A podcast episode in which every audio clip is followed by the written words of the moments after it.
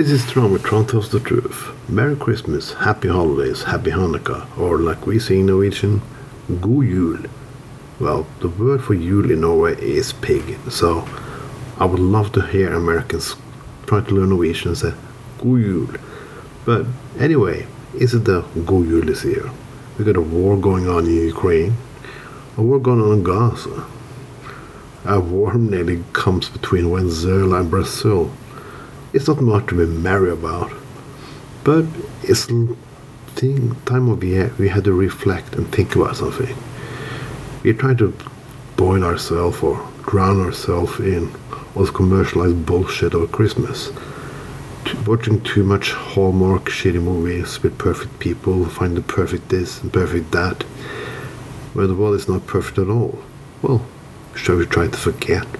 Drink ourselves to death, eat ourselves we can roll around in our fucking fat? No. What you should do is spend time with the people you love and care about and think about how you're going to make up next year a better life for the people yourself and people you care about. I don't can pronounce any special judgment for 2024 yet, 23 yet, because this year has been the year of nothing. Nothing moves on, and people just seem to forget. 2023 reminds me of the last days of Berlin. Everybody partying like it's fucking nothing's gonna happen. We know what's happening. Climate crisis, war, revolutions, and the constantly bullshit. The horror that we heard about in the 60s and 70s sci-fi movies with big corporation taking over. Yes, we come there. Do you think we forget about Trump? No, he's still fucking around. He's still gonna fuck up life for all of us. I always said many times in this segment for about eight years that we need more unification than ever. We do, but you also need more education than ever, more thinking than ever. People just been one of my favorite Christmas albums is called from a Norwegian jazz player called Bugge Wesseltoft. Made a jazz album just called It's Snowing on a Piano.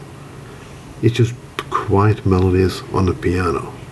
I can put that on, make some good coffee, take a Christmas beer or Christmas soda, or whatever, and just think. Think about the good times, the bad times, and how I'm going to continue to in the future with the, with the good times and the bad times. I became a father this year, and that's changed me. I quit politics, that's also changed me.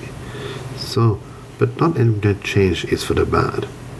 When I come home, my son is happy to see me. In politics, who gives a fuck? A lot of things gonna happen next year. For a lot of us. But we have to embrace that change. Change is not always bad. You can be miser- miserable in the shit you're having now and look to the past, or you can be optimistic and look to the future and try to, to grab that future. But I don't know.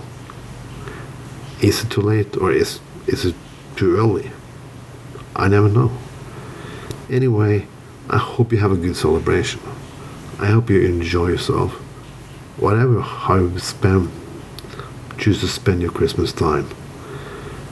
Choose it the way you want to do it. Make your own Christmas tradition. And the one place you can give a fuck about the rest of the world is when they're telling you how to celebrate things. This was Tron with Tron Salt the Truth.